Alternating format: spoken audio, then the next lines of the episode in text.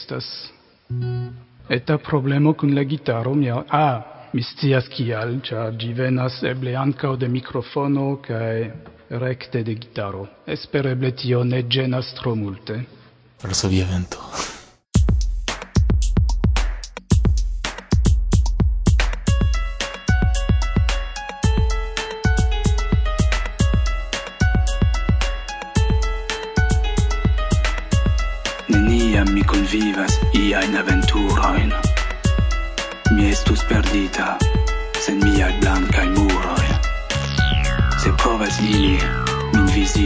Heyman announce Revenue il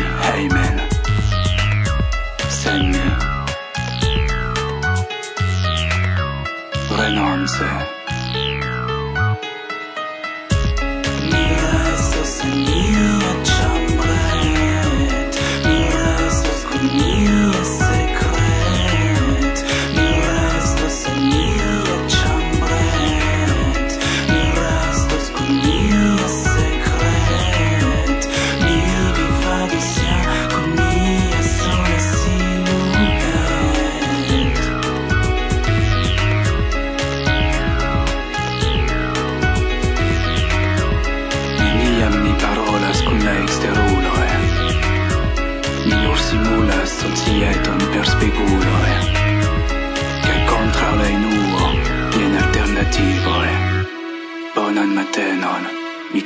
and the clean boy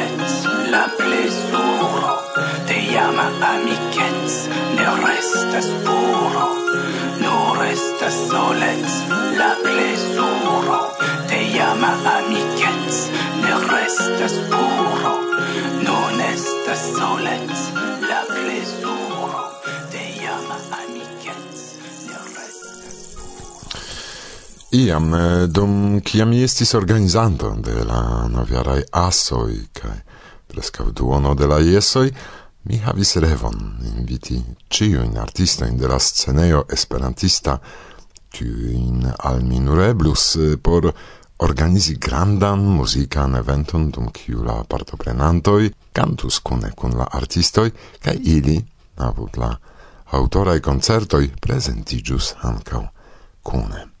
Iam mi do ecvidis la iniziato unue de Alejandro pri la pordo, cae seque brilan cuncantadon de la pezoi Imago cae Halleluja fare de Jomart, tiu iama bela revo revenis al mi quasau bumerango, jum.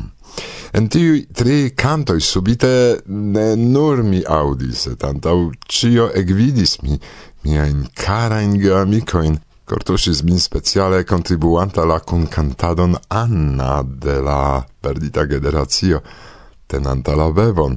Coran saluton al vido, Carolino, cae cio caso, kisoin. Cae nu la revoi, estas por ilin realigi, ciu? Eble do, iam sur unu sceneio, de unu esperantujo, ciu ini cune, ec cun flo, cae mi, char foie anca mi shatas canti cun gitaro cune. Cai compreneble cion tion registos sone. Cai filme...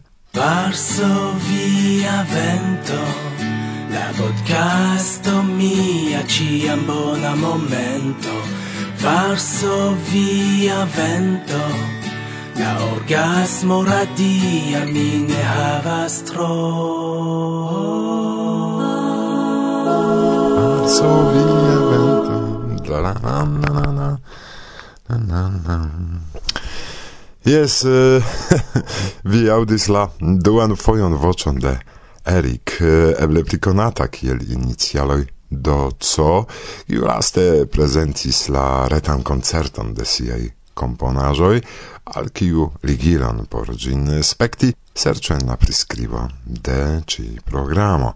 Ĉi tie tamen eh, Mi desiras speciale danki antau cio al Chiara, kiu tiuin retain concertoin organizis ec kelkain. Cara amicino, grazie mille per questi bellissimi concerti. Dankon cara.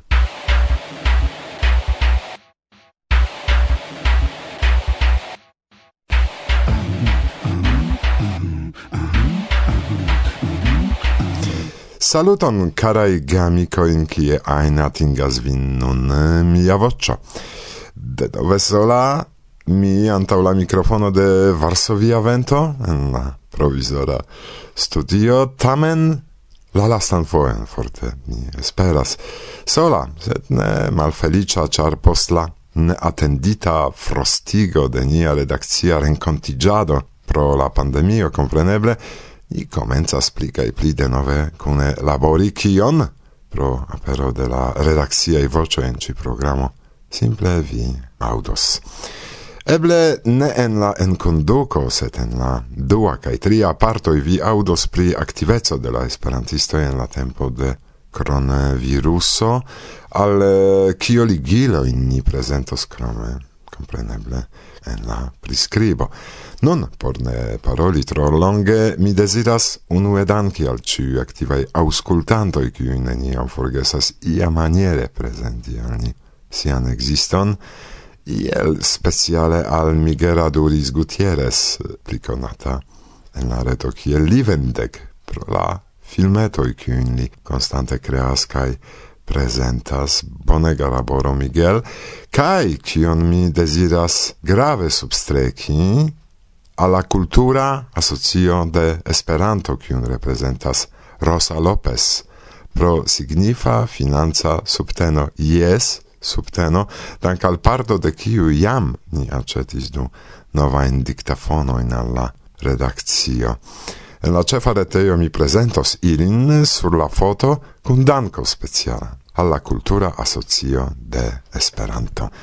Kai, revenanta alla temo de la reta activezo pro la virusa pandemio, tui sonas en mia capo la pola proverbo nie ma tego złego, co by na dobre nie wyszło do ecz la plei granda malbono albono condutas. Pro malpermeso rencontigi la esperantistaro tui lernis organizi cursoin, convenoin, ec congressoin en la reto imagu, kai la plei interesa avantaggio de tio evidentigis tiu, che la rencontigioi igis ne nur locai, set ancau vaste internaziai, al uno el la curso de Esperanto organizitai de Alexandro Blinov el Ceboxaro, hierau estis anca mi invitita, kai eblis al mi rencontigi dume simpatiaen gelernantoin el quelcae urboi de Rusio, do Gratulon Alexandro, pro via grava contribuo en la evoluon de nia internazia culturo kai, ion mi promesis, core con Gosia. Mi salutas el Varsovio la gelernantojn, speciale tiuin kun kiuj mi papilis, anca pri Varsovio, do Elena, Toma, Olga kaj Sergeo, set ankaŭ Ebrina kaj Anastasia. Lernu Esperanton, karaj, lernu diligente, char gi estas perfecta ŝlosilo alla belega mondo de la internacia amikeco. Notu tionen viai caieroi. Do, invitante ankaŭ vin alla la centkvardek-sesa nelsendo de Varsovia Vento, mi desiras al ciui agrablan aŭskultadon. Bla, bla, bla.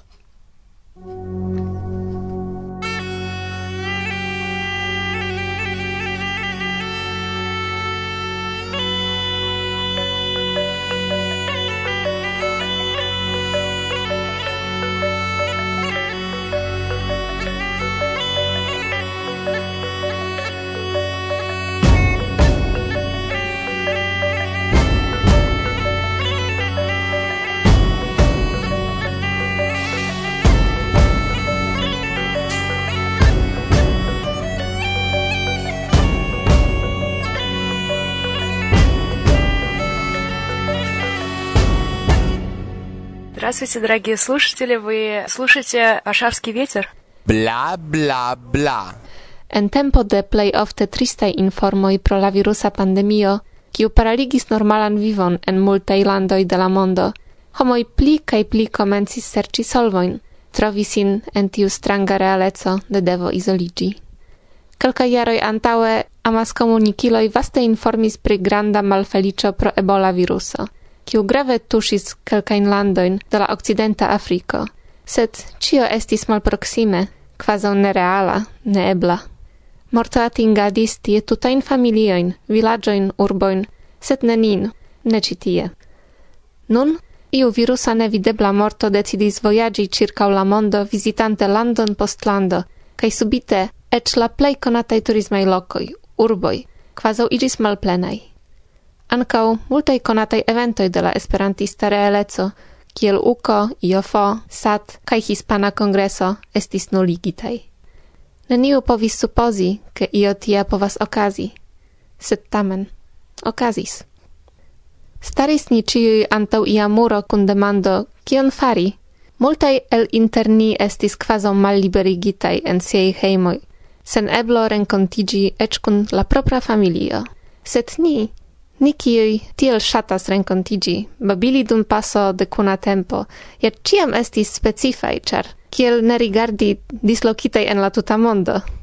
Niei geamicoi ciam logis malproxime, kai iam dum plei multo da tempo ni povis nur correspondadi sopirante, kai attendante rencontigion post quelcae monatoi. Kai tio neniam genis al ni, sentis sin tutmonda comunumo. Do, kvankam ni ne povis fizike esti en la sama loco, Ni daure intersangia dispensoin kai amici jadis. La solvo do, kion fari en tiu malfacila tempo, estis ja iel conata.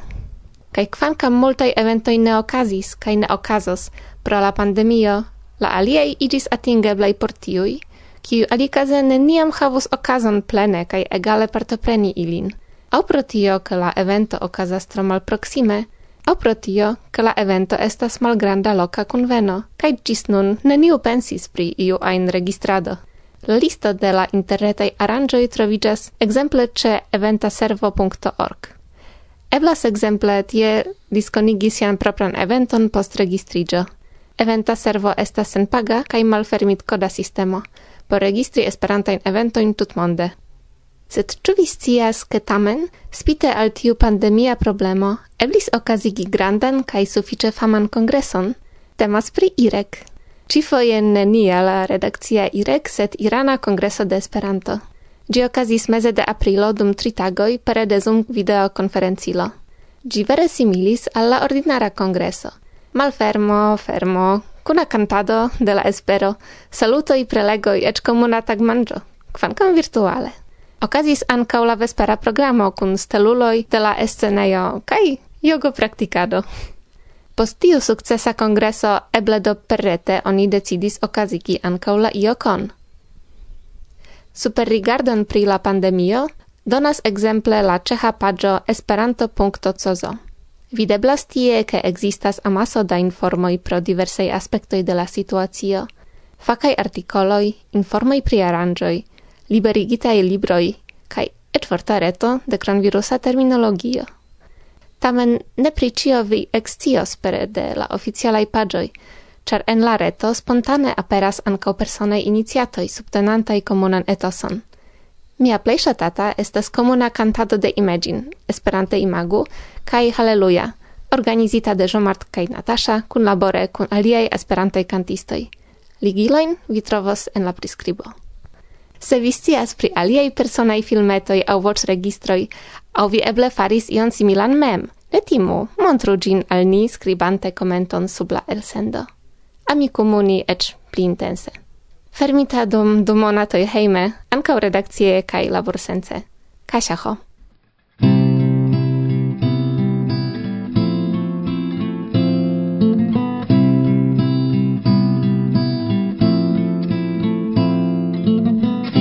mago ci el mar.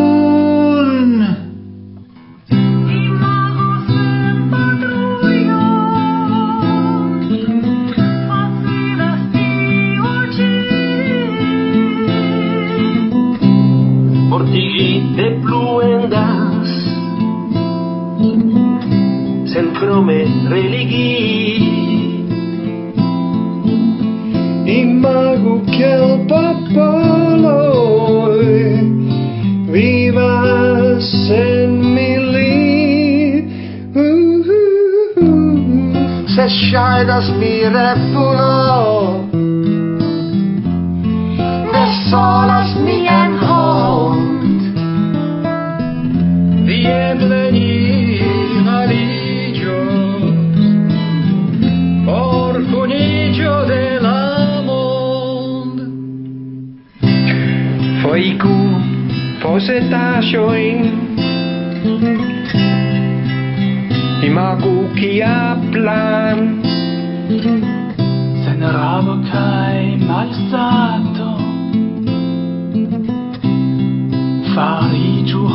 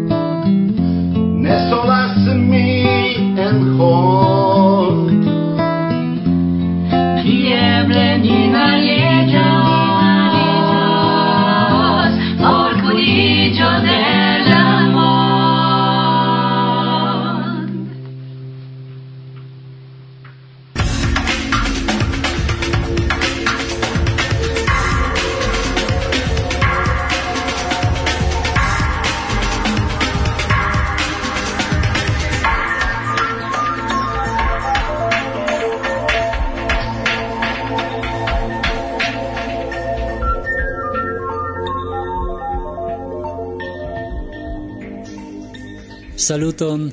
Paroles nun Jomar. Kaj Natasha. Vi non tempe aŭskultas radio programon Varsovia Vento. Bla bla bla.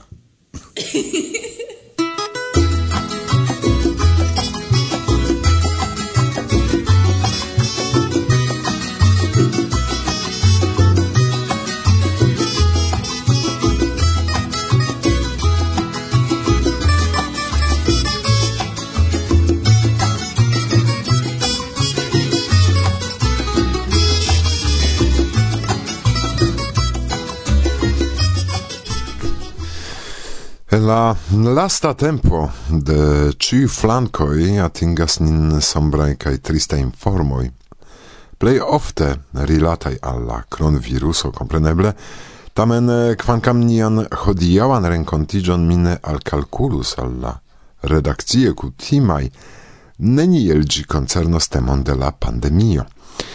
Antaŭ mikrofono de Varsovia Vento do sendube konata al vi, ĵurnalisto de la Pola Televido, verkisto, interalie autoro de la famaj libroj Strato de Zamenhof kaj Bona Espero, Idealo kaj Realo, Roman Dobrzyński. Saluton, caraj auscultantoj de Varsovia Vento. Du semainoj antaŭe, kiam per telefone ni interkonsentadis pri antaŭe registrita mikrofona rencontigio, kion cetere pro clara cialo mi presento siam en la lia programo, exciis mi subite pri granda perdo en via privata vivo forpaso de via cara edzino Erika. No jes, eh, mia cara edzino, mi diru amata edzino, forpasis post nia kvindek kvin jara konateco kaj kvindek tri jaroj de geedzeco. Nu, kun vivo. Tamen ne pri tio eble, sed eh, pri Erika, ankaŭ ĉar pro Esperanto ŝi apartenis al la nia familio internacia. Bone mi memoras ŝin ĉiam eleganta, humura kaj gaja, lerte parolanta ne nur en Esperanto, sed ankaŭ en la pola. Pardonu, sed mi havas impreson, ke kun tiu animo vi vivis en iu che esa paradiso. Ciò facte regis inter vi nur amo, cuna familia harmonio, sen la internai militoi cae conflictoi? No, tiel oni ne povas diri. eh, oni devas esti tutan tempon. Erika havis sufiĉe fortan karakteron. Mi ancau. Do, tio compreneble, foje causis problemoin sed tamen mm, cio pasis. Mm. Mi sias eh, Erika estis persono cun granda amo. Do si generale homo naskita por ami, sed anca por esti amata. Do eh, si amis kai estis amata kai tio ankaŭ postulis konduton inter la geedzoj. Kompreble, ni ofte havis tiel nomataj mallaŭtajn tagojn, se tamen ni sciis, ne, ke bone, bone, sed ĉio pasos, kaj ĉiam ni denove estis eh, gajaj. Kaj efektive vi menciis pri la gajeco. Jes, eh, eĉ eh, en la lasta momento de sia vivo si ancora petis, ke en ciui rememoroi pri si, oni Ripetu, che sia viv principio estis tago sen rido estas tago perdita. Kai effettive circa si estis ciam iom gaieco protio che si capablis ridi pri ciui afero, ec pri malgravajoin. Hm? Kiel eh, mi menciis antaŭ momento, si conis Esperanton, eble do revenu ni al la komencoj, kie si exis pri la lingvo, ĉu vi scias tion? Oh, to jest eh, fakte eh, mi dankas eh, al Zamenhof, ke mi trovis aŭ si trovis min kai tio estis Esperanto. Esperanto ekludis gravegan rolon kai iu sence changis directon de eh, sia vivo. Do, mi diru che si abiturientigis en eh, la jaro 1963, kai estis bona lernantino, eh, havis grandan talenton por lingvoi.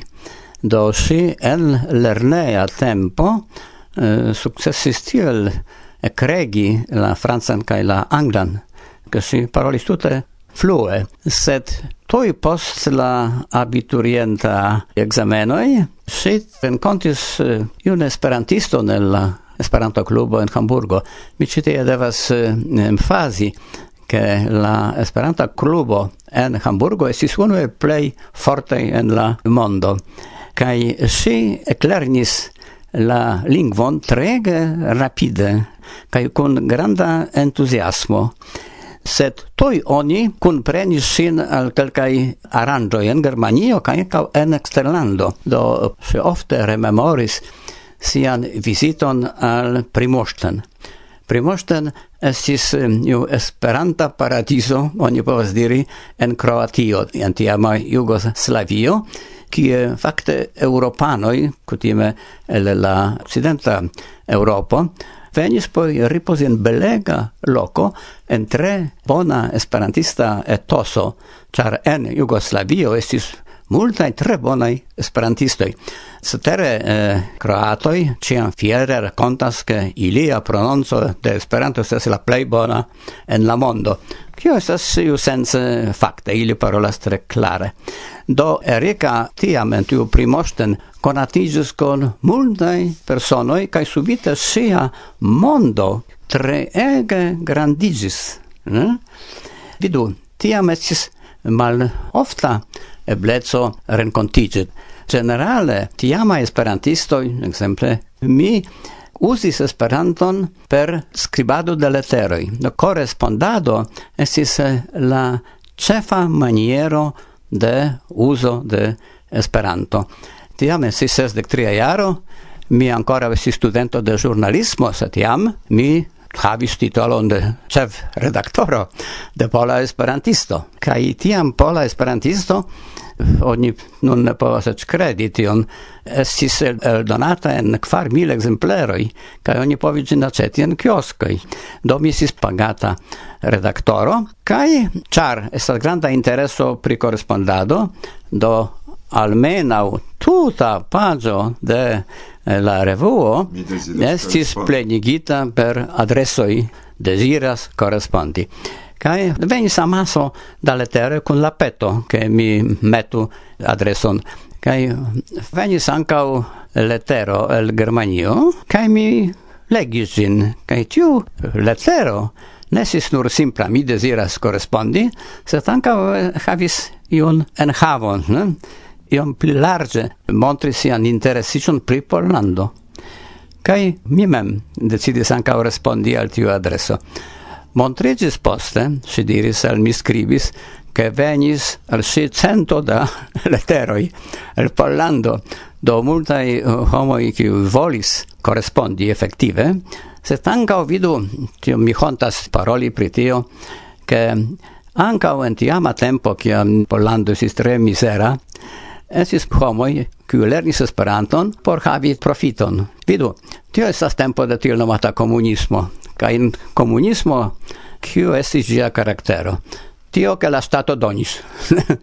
Oni ciam attendis che stato donos. Cetere tiu stato poste falis ĉu pro tio ke tro multe disdonis ĉu ne? Do estas unu el la teorio de la kolapso de komunismo. Do la homoj konsideris ke se ili ion bezonas to iu devas doni. Kaj pri okcidenta Europo en Pollando oni havis imagon ke tio estas absoluta paradizo che ciu homo estas tre ricai, no se ili estas ricai, do ili devas ion doni al ni. Do, en letero oni scribis kai petis, che exemple estis nailonai cemisoi, kioi viroi desiris havi, au knabinoi, kiu strum pantalonoi, kio estis treege besonata objekto, kai si miris, che mi prinenio petis sin. Ci case ni comencis correspondi inter si. Vidu, por eh, correspondi cun alia persono, oni devis sidigi, pripensi kio oni havas por diri, kaj tio estis iu speco de epistolografio, che letero kion mi scribis mem ciam ŝajnis al mi ke tio estas speco de literaturo ne? do ĉiuj klopodis esprimi sin interese, kaj tio estas, oni povas diri, sekreto, kial esperantisto en tiama tempo parolis tiel bone esperanton, kaj konis esperanton iom vaste. Ne nur skribis bonan tagon, kaj mi deziras al vi, kaj tiel plu, ĉu ne? Oni ne volis transdoni iun informojn kaj iun pensojn. Do pro tio oni devas sencese rigardi vortaron. Kaj tiuj leteroj de ŝi montriĝis trege interesaj. Cetere, iom mirigis min la facto, che si multe interesigis pri Pollando. Giuste, kial pri Pollando? Ja, estas tiel multai landoi en la mondo kaj por la iuna knabino de tiu tempo, kiu cetere logis occidenten, pli proxime estis exemple la Franza o iberia culturo, ciu? Giuste, tio estis anca por mi interesa demando, cae mi es demandis sin. Montrigis che Si fakte nenion sis pri Pollando. Cai ancao pretiu la plei nova historio. Si poste racontis al mi che la lezione del historio si stiel programitai che ciam oniam atingis la plei novan tempon do la dua mondmiliton, do jam mankis tempo, cer jam esis feriado, su ne fino de la. Do poste mi ankaŭ tion konsigis al mi, che multae homoi in Germanio fakte tre malmulte sciis pri sia la plej nova historio, do la historio de la dua mondmilito. Dum eh, ni renkontiĝadis, kion jam mi menciis, ne nur ŝi parolis lerte Esperanton, sed ankaŭ la polan. Kvazaŭ ĝi estus Polino, de Kie? Do Erika estis juna homo. Si jam venis la unuan fojon el Pollando kiel dudek du jara knabino, kaj si estis du foje en Pollando. Si tre rapide lernis eh, la polan lingvon, kaj si neniam faris kursojn, neniun kursojn. Oni povas diri, marsante si lernis la lingvon tute nature Cetere, mi jam eh, diris antaŭe, che si havas ion exterordinaran talenton por lerni lingvoin. Ne? Poste si ancau kun mi lernis la hispanan, kai kiam ni vojaĝus eh, miaj profesiaj taskoj en latin americo Hispanio, Portugalio, kai mi rimarkis si rapide kaptas ankaŭ tiuin lingvoin. Reklamo. Nu lytter I til Kim Det her det er Radio Varsovia Vento. Bla bla bla.